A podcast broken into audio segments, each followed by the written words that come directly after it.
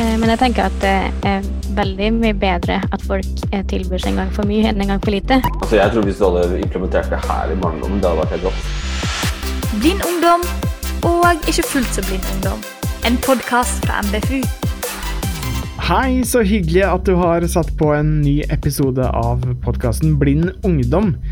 I dag så snakker vi rett og slett om å finne fram i blinde. Noen fagpersoner kaller det mobilitet. Men uh, rett og slett hvordan finne veien når man ikke har noe syn, eller kanskje ser lite grann. Hvilke apper fins, er det noen muligheter der? Og hva er de rare linjene man ofte kan se på togstasjoner eller i gågata? Trond Martin har snakka med Ida og Jonas for å høre deres perspektiv på saken. Jeg heter Jonas, så jeg er 28 år. Jeg er blind. Uh, kan ikke så mye om mobilitet, egentlig, annet enn, enn hva, det, hva, det, går ut på. Jeg heter Ida og er 29 år og er blind. Jeg er heller ingen mobilitetsekspert, men uh, har heldigvis en del egen erfaring, da. Spennende. Uh, Sjøl så er jo jeg svaksynt og heller ingen mobilitetsekspert, sånn at uh, vi får prøve å finne ut dette litt sammen, vi tre her i dag for deg som lytter på. Kan jo begynne med der vårt første, fleste synshemmedes første møte med mobilitet eh, gjennom skolen. Uh, hvordan forholdt skolen din seg til mobilitetsopplæring, og eh, hvordan var den i det? Min skole var, har alltid vært veldig pådrivende Eh, for at jeg skulle eh, bli god i mobilitet. Fordi selvstendighet har jo alltid vært eh, et veldig viktig fokus. både fra min familie og fra barnehagen og skolen, da. Så jeg begynte faktisk allerede med mobilitet i barnehagen. For jeg bodde ganske nært barnehagen, så jeg begynte allerede fra jeg var kanskje en fire år å lære ut da hjemmefra til barnehagen. Eh, så jeg gikk faktisk Jeg hadde helt sikkert noe sånn overvåkning som jeg ikke visste noe om, da. Men, men jeg trodde nå i hvert fall da, at jeg gikk eh, ruta hjemmefra og til barnehagen sjøl da jeg var en ja, fire-fem år, kanskje. Så du begynte tidlig med den type opplæring. Hva med deg, Jonas? Ja. Skal vi se, jeg, Så vidt jeg husker, så begynte jeg så vidt jeg òg siste året i barnehagen. Så det året jeg fylte seks, da jeg begynte. Eh, jeg hadde for øvrig skolemessig som jeg hadde samme assistent i barnehagen som jeg hadde på skolen. Hun fulgte med meg over, faktisk. Det var litt sånn tilfeldig, for hun hadde også Det fikk skjønte jeg ettertid, men hun hadde også interesse av å, å ta en videreutdanning i førskolelærer, da, men det er en digresjon uansett. Uh, jeg hadde veldig tett oppfølging på barneskolen. Jeg var stort sett veldig sjølhjulpen der. Og det samme vedvarte i, i hvert fall sånn på ungdomsskolen så lærte jeg meg ruta der. Da var det da ikke skolen som gjorde det, da, men, men da en kar, en synspedagog, som jobba på Greåker videregående skole, hvor jeg senere i Svartbladet, hvor jeg senere endte opp med å gå. Han, eh, han, eh, gjorde dette her etter at min skoledag var over, så jeg lærte meg liksom litt sånn ruter sånn til og fra skolen og litt sånn finne veien inne på skolen øh, og sånne ting. Det, det, falt litt bort på videregående. altså sånn jeg er jo litt sånn altså, Jeg vet ikke, det kan godt hende det er litt sånn radikalt, men jeg er sånn jeg er nok litt sånn, har nok litt sånn et, et sånn syn på mobilitet at uh, så lenge du kan de viktigste rutene, så ser ikke jeg på det som verdens største nederlag å spørre om en arm i ny og ne. Det er jo en veldig grei innstilling å ha, å spørre om hjelp. Kan det være vanskelig? Det kan jo være det. Altså, jeg følte det var liksom litt vanskelig på ungdomsskolen. Ja, altså, og den tida ungdomsskole og videregående hvor man liksom går gjennom veldig sånn mye sånn hormonelt. Og er veldig, man er veldig selvbevisst. Du går inn i en veldig sånn selvbevisst fase av livet ditt hvor du tenker veldig over hva folk synes om det. Alle på ungdomsskolen gjør jo det. Når jeg, har blitt voksen, derimot, så føler jeg liksom sånne ting er veldig irrelevant.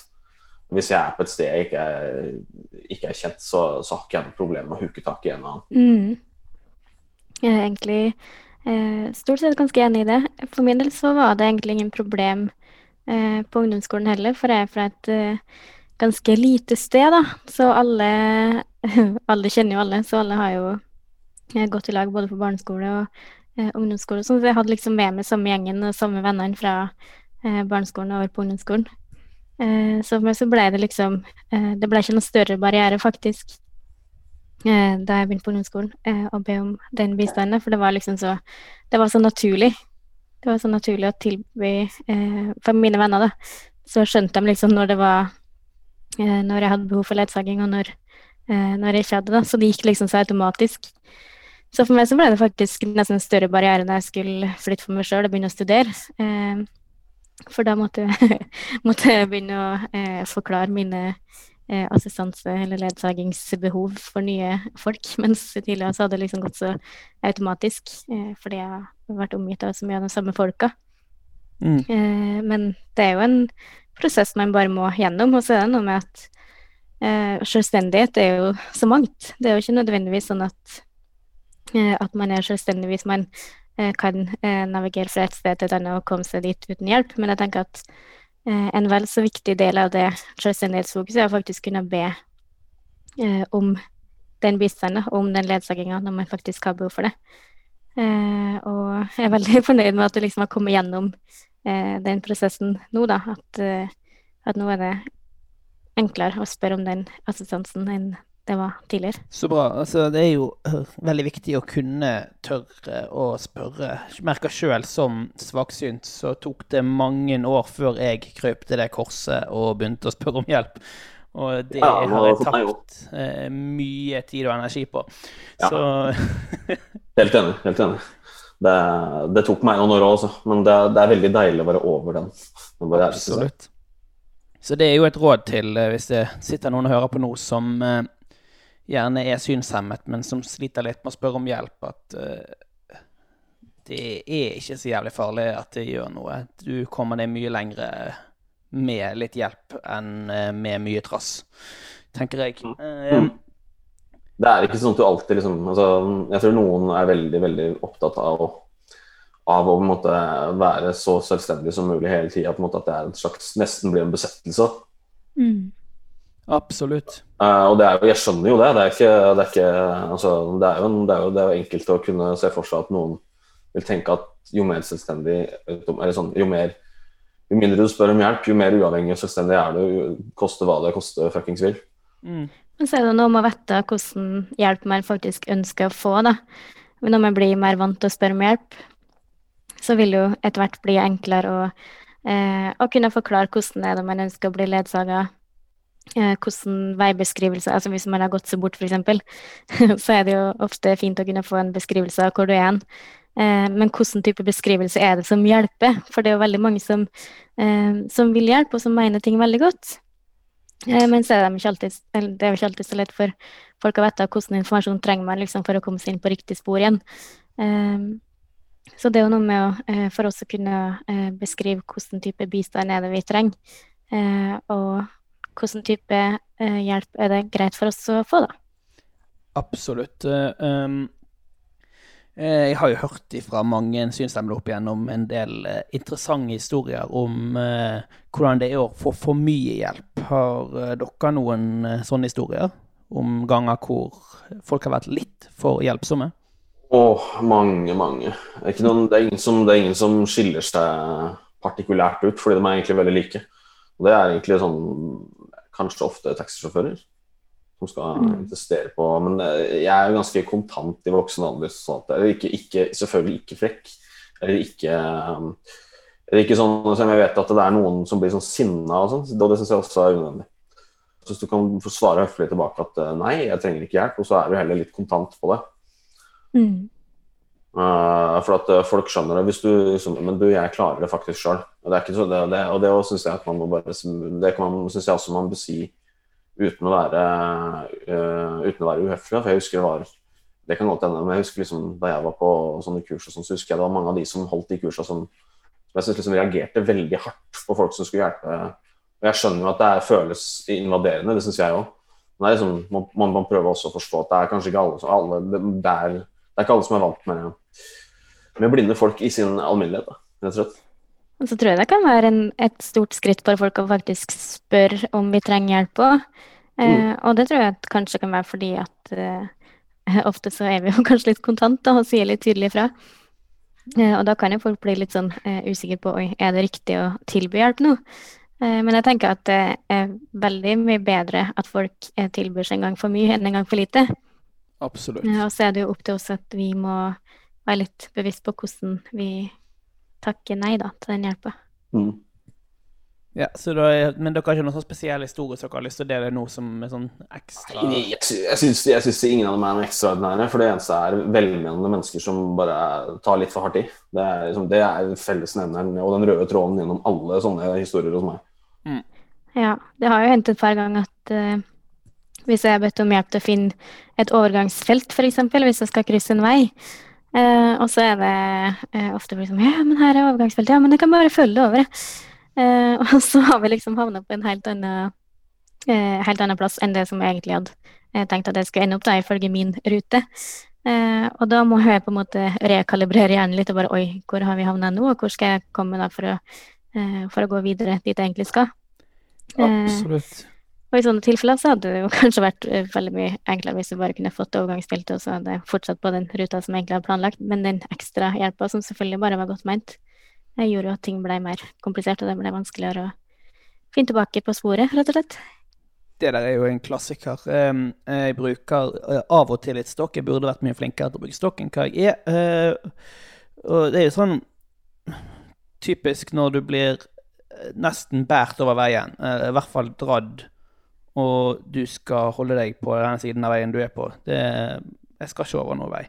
Eh, Så det er jo Men man kan jo nesten ikke gjøre noe annet enn å være høflig, på en måte. Det er utrolig teit og kjeft. Ja. Jeg, jeg synes liksom det er en veldig sånn unødvendig og fiendtlig måte å gjøre ting på. Det er bare jævlig unødvendig.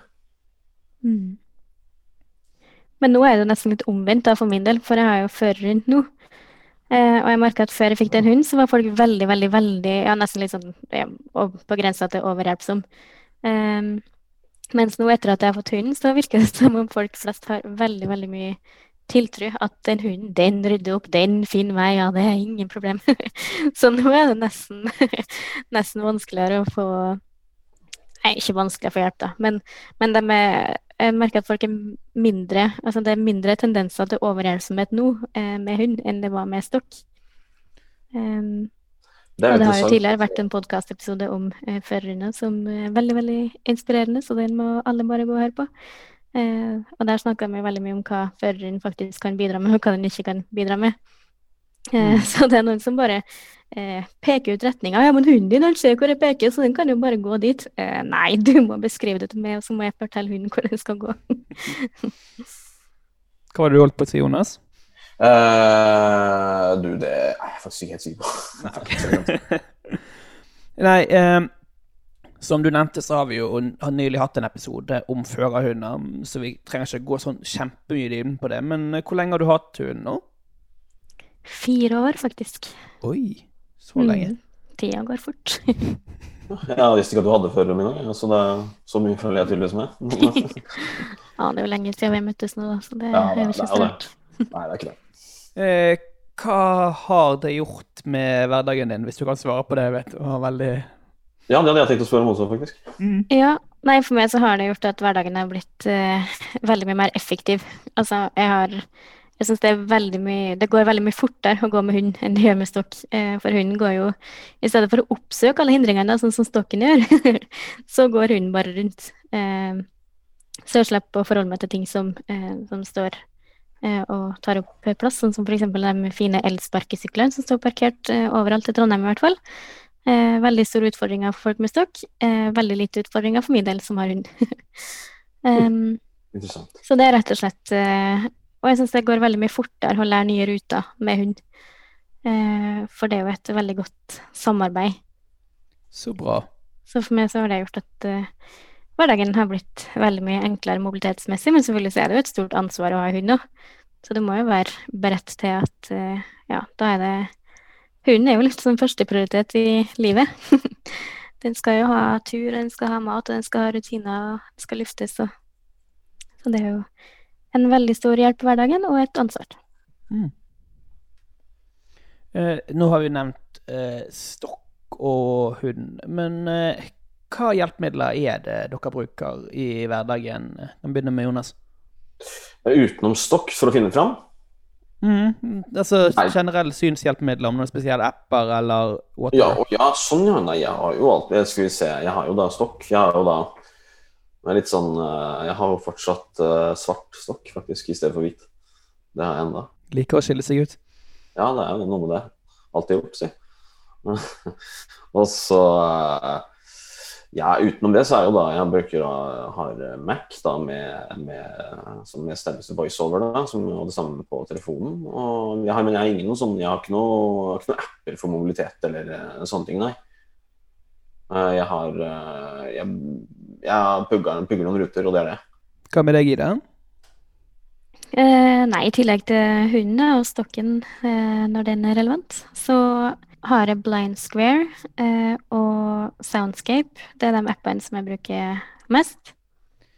Eh, og det er jo sånne ja, Blind Square, da. Det er jo en app som, eh, som er koblet, eller som du må koble opp mot Google Maps for å få veibeskrivelse.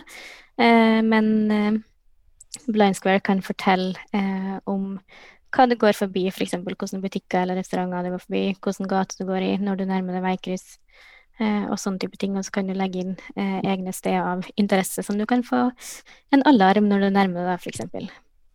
Kult, jeg hadde ikke hørt om det. her. Jeg visste ikke hvor bra det faktisk funka. Eller, eller hvor bra funker det her, de tingene her.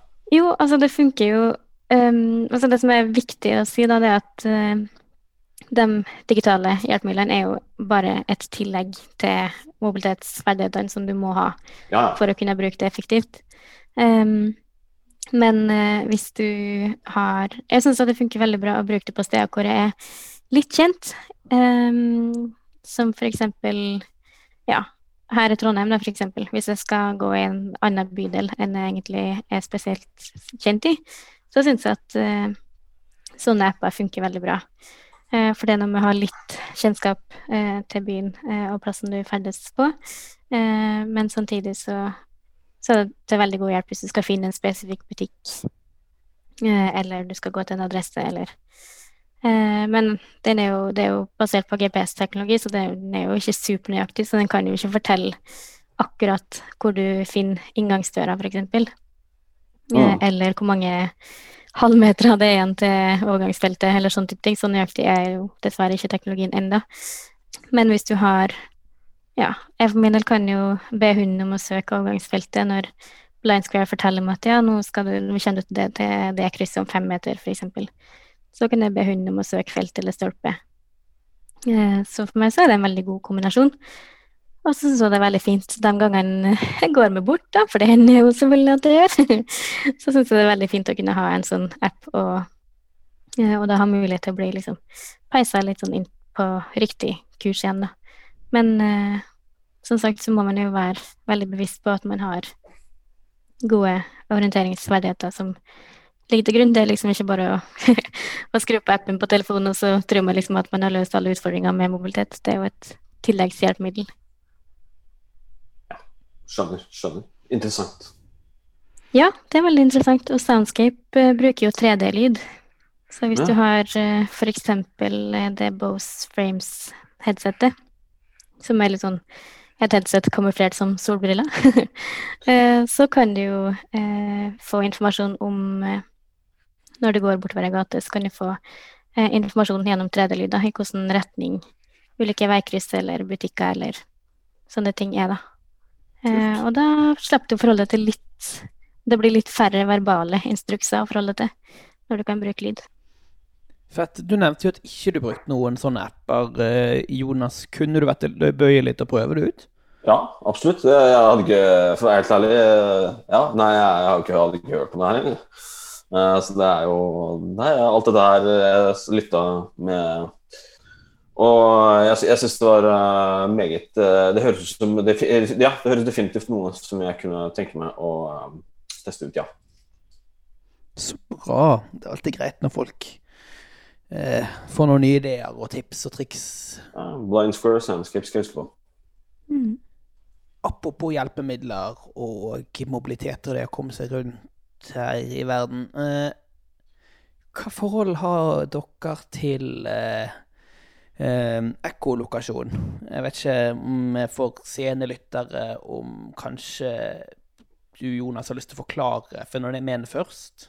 Ja, det kan jeg gjøre. Jeg kan forklare, og så kan jeg komme med mitt forhold til det. Ekkolokasjon det er, eh, det er da at man eh, ved hjelp av eh, klikkelyder eh, og ekkovibrasjonene de produserer, skal kunne navigere deg rundt i forhold til hindringer og sånne ting, og at det da vil da gi gjenklang eh, i alle de klikka du lager med munnen. For det er jo klikk, er det ikke? Jo. Uh, mitt forhold til det er vel gjennom superhelten Daredevil, som jeg ville bli da jeg var stor. Jeg skulle bli advokat, og ja, han var jo Han uh, ble jo da påkjøpt en bil som barn, og denne bilen, denne bilen er en tankbil som, den bilen er en tankbil som sprøyter uh, noen giftige kjemikalier på som gjør at han uh, mister synet, men da får alle andre sanser blitt forsterka. Og, og blir da en veldig dyktig kampsportutøver uten å kunne se. Selvfølgelig Eh, fristende fantasi for en liten blind gutt. Det Ja, ja, jeg. han, han fikk aldri finne damene. Sånn bokstavelig talt de fineste damene. Uh, uh, uh, ja. Jeg skal jo få meg en liten Black Widow, jeg òg. Men, men det er en digresjon, det også. Hva var spørsmålet? Eh, Hva er ditt forhold til ekkolokasjoner? Bruker du det? Jeg bruker det ikke. Jeg har ikke, jeg har ikke, jeg har ikke lært noe om det. Uh, det er også noe jeg også kunne vært uh, interessert i å lære. Har bare ikke, i- eh, Anledningen har ikke bydd seg sånn. Hva med deg, Ida? Ja, um, jeg har jo alltid brukt lyd i orientering. Uh, det har jeg jo alltid uh, lært, og hvordan jeg liksom kan bruke uh, lydene i omgivelsene sånn til å orientere meg. Det har jo vært veldig viktig alltid. Eh, men akkurat den eh, typiske ekkolokasjonen med klikking og sånn, det har jeg aldri helt blitt fortrolig med. Jeg har vært på en del kurs, eh, så jeg har lært det. Eh, og jeg kan, kan bruke det litt. Men jeg har nok vært mer på den hva skal man si, indirekte ekkolokasjonen eh, med å f.eks. bruke høyhæla sko, som gir en ganske god refleksjon av lyd. Så det har på en måte vært mer min metodikk heller enn det typiske klikket. Men jeg skjønner jo at hvis man virkelig skal ha godt utbytte av ekolokasjon, så er det jo eh, den klikkelyden som kanskje er den mest effektive. Eh, for da, da får du jo sendt ut lyden litt mer i hodehøyde enn det du gjør f.eks. med, eh, med høyhæla sko, sånn som jeg bruker. Men, eh, men jeg syns det er veldig fascinerende og er veldig interessant eh, den informasjonen man faktisk kan få med seg av omgivelsene, hvis man, eh, hvis man virkelig bruker det effektivt. Eh, og det er jo mange som, som er kjempe, kjempegode i det. Så det, jeg syns det er veldig inspirerende eh, å lære om det og prøve det. Men, eh, men å liksom ta det inn i min egen hverdag, det har eh, ja, ikke helt gjort riktig ennå. Nei, det er jo ekstremt kult og fascinerende at det faktisk går. eh, men som Jeg syns det, jeg det er helt rått. Ja, det er jo Daredevil på ordentlig. Absolutt. Men svaksynt så har ikke jeg sjans, på, for jeg bruker for mye syn. Men eh, utrolig fascinerende. Derfor vil jeg bare benytte anledningen jeg snakket med dere nå til å få høre litt mer. Hva var det du skulle si, Jonas? Nei, eh, jeg, altså, det, det siste jeg sa, var bare at det var Daredevil på ordentlig. Altså, det, det, det jeg kan si, er dog at eh, jeg kunne godt ha, altså, kunne godt ha lært det. For å se hvordan, hvordan jeg, om jeg ville fått noe ut av det. Jeg vet jo, altså, jeg vet jo ikke noe, en dritt om det, liksom. Nei. Altså, nei, jeg, gjør ikke det. Jeg har, jeg har null peiling, egentlig. Eh, annet enn at jeg har sett på alle de dokumentarene som absolutt alle skal snakke med meg om, egentlig. Det er jo blitt en farsott, og folk digger det. Mm. Da er det jo greit at vi har Ida her som kan lære oss litt. Det var, så derfor legger jeg pris på. Ja, jeg tror kanskje at dere skal ta kurs med den som kan det litt ordentlig. men, eh, men jeg har jo litt trua på at man må kombinere de ulike teknikkene man har, da. Altså eh, ekkolokasjon og lyd er kjempefint, men samtidig så må man jo òg eh, bruke andre typer teknikker, tror jeg. Som, altså, det er viktig å ha god stokkteknikk. Det er viktig å eh, ja, bruke hund hvis det er det som er riktig for en sjøl. Og eh, ja, og kombinere de ulike metodene som finnes da, for å eh, finne ut av hva som gir best mulig orientering for hver enkelt. Mm. Ja, for jeg ser, jeg ser for meg at hvis man eh, går inn for å lære dette tidlig eh, Nå er jo alle vi voksne, men eh, fra tidlig barndom eh, så vil nok kanskje automatikken i det gå litt lettere og Kanskje være lettere å lære, jeg vet ikke. Hva tenker dere? Jeg tror det. Altså, jeg tror Hvis du hadde implementert det her i barndommen, det hadde vært helt rått. Det hadde, fått en, hadde jo fått uh, Det hadde jo eh, Jeg tror det hadde gitt helt andre resultater. Altså, det hadde hjulpet veldig mange barn. Altså, du hadde, jeg, jeg tror du hadde hatt mye tid til mye annet. da. Altså, det, er- det, er- det er noen som altså, altså, Jeg tror du hadde hatt tid til å kunne drive med litt sånn personlig utvikling og liksom prøve å uppe deg sjæl litt. Mm. Absolutt. Det er nok et veldig godt poeng, det.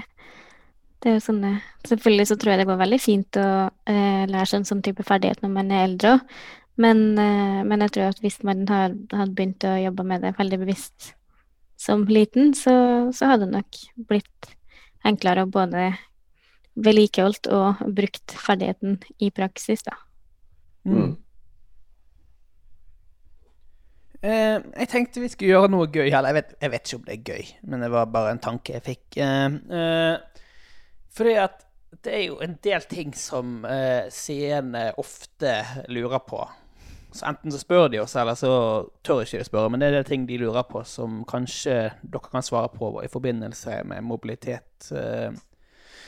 Så for eksempel disse her eh, tjukke, litt sånn stygge sporene i fortauene som eh, mange seende tror er kunst. Hva er det, og hva brukes det til, Jonas? Ja, du tenker på ja, det. Det er eh, såkalte lederlinjer. Riktig. Det, det brukes for at vi skal kunne Hvis vi går langs den lederlinja, så kommer, vi oss, så kommer det deg Den går ofte fra et sted til et annet, sånn at det skal være enklere å finne fram. Med markeringer for trapper og overgangsfelt og ja. Veldig flott utenfor kjøpesenteret og sånn, når det blir plassert sånne store, fine blomsterkrukker midt på ledelinja. Det er perfekt. Absolutt. Ja. På kjøpesenteret der jeg er ifra, på Sotra, så er det ledelinje. Og den går veldig fint veldig langt. Ingenting på ledelinjen. Og så skrår han fordi at veien skrår, og der står det et svært eh, eh, elskap. Eh, I hvert fall en meter høyt og ganske tjukt. Og så foran det igjen så er det en ganske bratt trapp med ujevne trinn. Så hvis du krasjer i den, så kan du finne på å stupe ned den trappen. Det er veldig lur plassering. det er genialt, ass. Mm. Åh, det, er, det, er, det er veldig sånn eh, ja. da, Jeg blir kanskje litt sintere av det. Eller ja, sintere blir jeg ikke. Jeg blir ikke så sinna blir jeg ikke av det. Men eh, så jeg blir, blir i hvert fall litt mer oppgitt enn en folk som spør om for mye hjelp. Sånn det er. Folk som bare ikke følger med på hva ting er. Mm. For det er dem som har plassert det der, burde jo vite det. Absolutt. Det er bare, det er bare, det er bare fullstendig utafor altså Det er bare fullstendig Det er, det er, ikke, det er, ikke, det er ikke, ikke tanken deres i det hele tatt engang. Det er, det er så garantert at det er, det er så langt unna hva de vet at det er helt sånn. Um, en annen ting som uh, jeg vet at mange seende lurer på, er hvorfor veiver vi stå med stokkene våre? Kanskje du kan svare på det, Ida, siden Jonas svarte på ledelinjene. Ja, Uh, nei ehm, Det som er poenget med stokken, er at vi skal kunne fange opp hindringer eh, som er foran oss. Eh, så da må vi eh, veive med stokken, som du sier. eh, eller eh, eventuelt gjøre en pendelbevegelse langs bakken, da, som man sier på fint. eh, for da får man liksom fanga opp de hindringene som, som er ja, enten rett foran kroppen eller litt ved sida av kroppen. Sånn at du unngår å gå på ting eller dette ned trapp eller Mhm. Veldig praktisk å ikke dette ned trappa. Um, Ja, og hvis det er ordentlig trappemarkering i tillegg, da, med sånn eh, farefelt, sånn som vi var inne på i stad, med sånn ruglefelt eh, oppå trappa, da slapp man i hvert fall å dette ned trappa. Mm. Nei, eh, jeg presenterte kanskje som at det skulle komme mange spørsmål, men det var egentlig bare de to jeg hadde. men hvis du som hører på eh, er seende og lurer på ting om synshemmede, så still et spørsmål. Eh, Det er noe av det beste jeg får, i hvert fall. eh, Gode, reflekterte spørsmål eh, når folk lurer på ting. Så det trenger ikke du å være redd for. Så er det jo ofte litt sånn spennende når barn stiller spørsmål. Eh, Både fordi at man blir sånn Fordi at foreldrene begynner å kjefte på dem med en gang, men også fordi de er så nysgjerrige og stiller så gode spørsmål. eh. Ja, de som stiller de feteste spørsmålene, alltid. Mm. Selv om det er helt random og helt uh, Ja, er, barn er jo bare søte når de spør. Jeg vet ikke om det er noe dere har opplevd, men jeg har et inntrykk av at voksne ofte kjefter på barn når de stiller spørsmål til uh, synshemmede er eller, eller andre funksjonshemmede.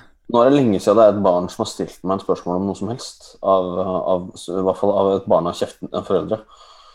Sånn i, det, sånn i sin alminnelighet. Men uh, ja, det er vel i hvert fall uh, Sånn er det vel. Sånn er det, vel det er ikke unikt for oss. Det er jo liksom unikt hvis et barn sier noe Sier sånn som barn sier, så blir jo ofte foreldrene litt sånn uh, Blir litt defensive på forskudd. Mm. Så ble de litt flau, tror jeg, for det er mange som bare Hysj, hysj, hysj, nei, nei, du må ikke si det. Oi, hun- er blind. Så prøve å forklare det. eh, uten at eh, Ja, de tror sikkert at vi ikke hører at de driver og snakker om oss i bakgrunnen. Eh, Men da er det egentlig veldig mye bedre at de bare uh, lar ungene få stille de spørsmåla.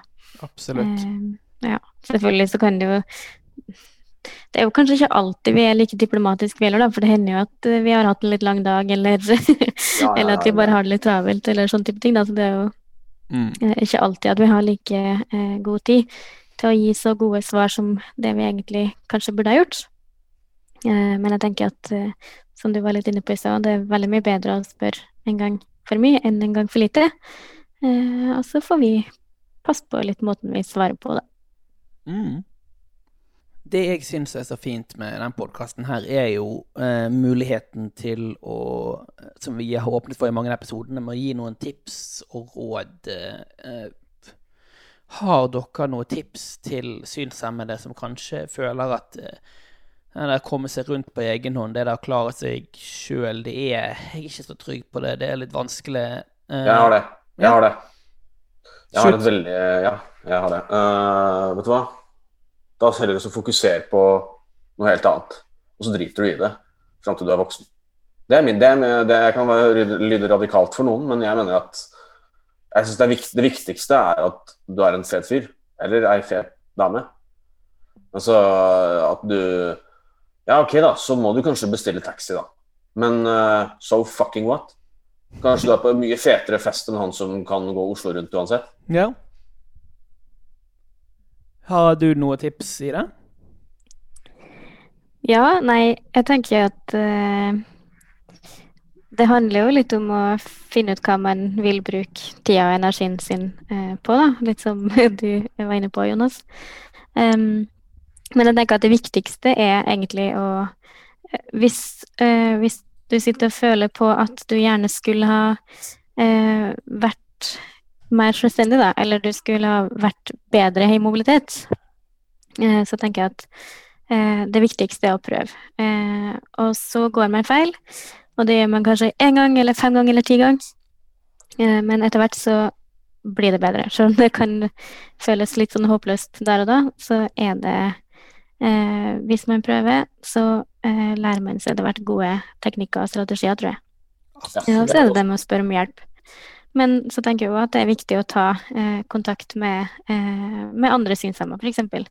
Hvis du vet om noen som er eh, flink i mobilitet, og som kan eh, noen teknikker som du har lyst til å lære, hvis det er ekkolokasjon f.eks., eller eh, hvis du tenker at føreren kan være lurt, så går det an å ta kontakt med noen som, som har prøvd eh, sånne type ting, da, og få litt tips.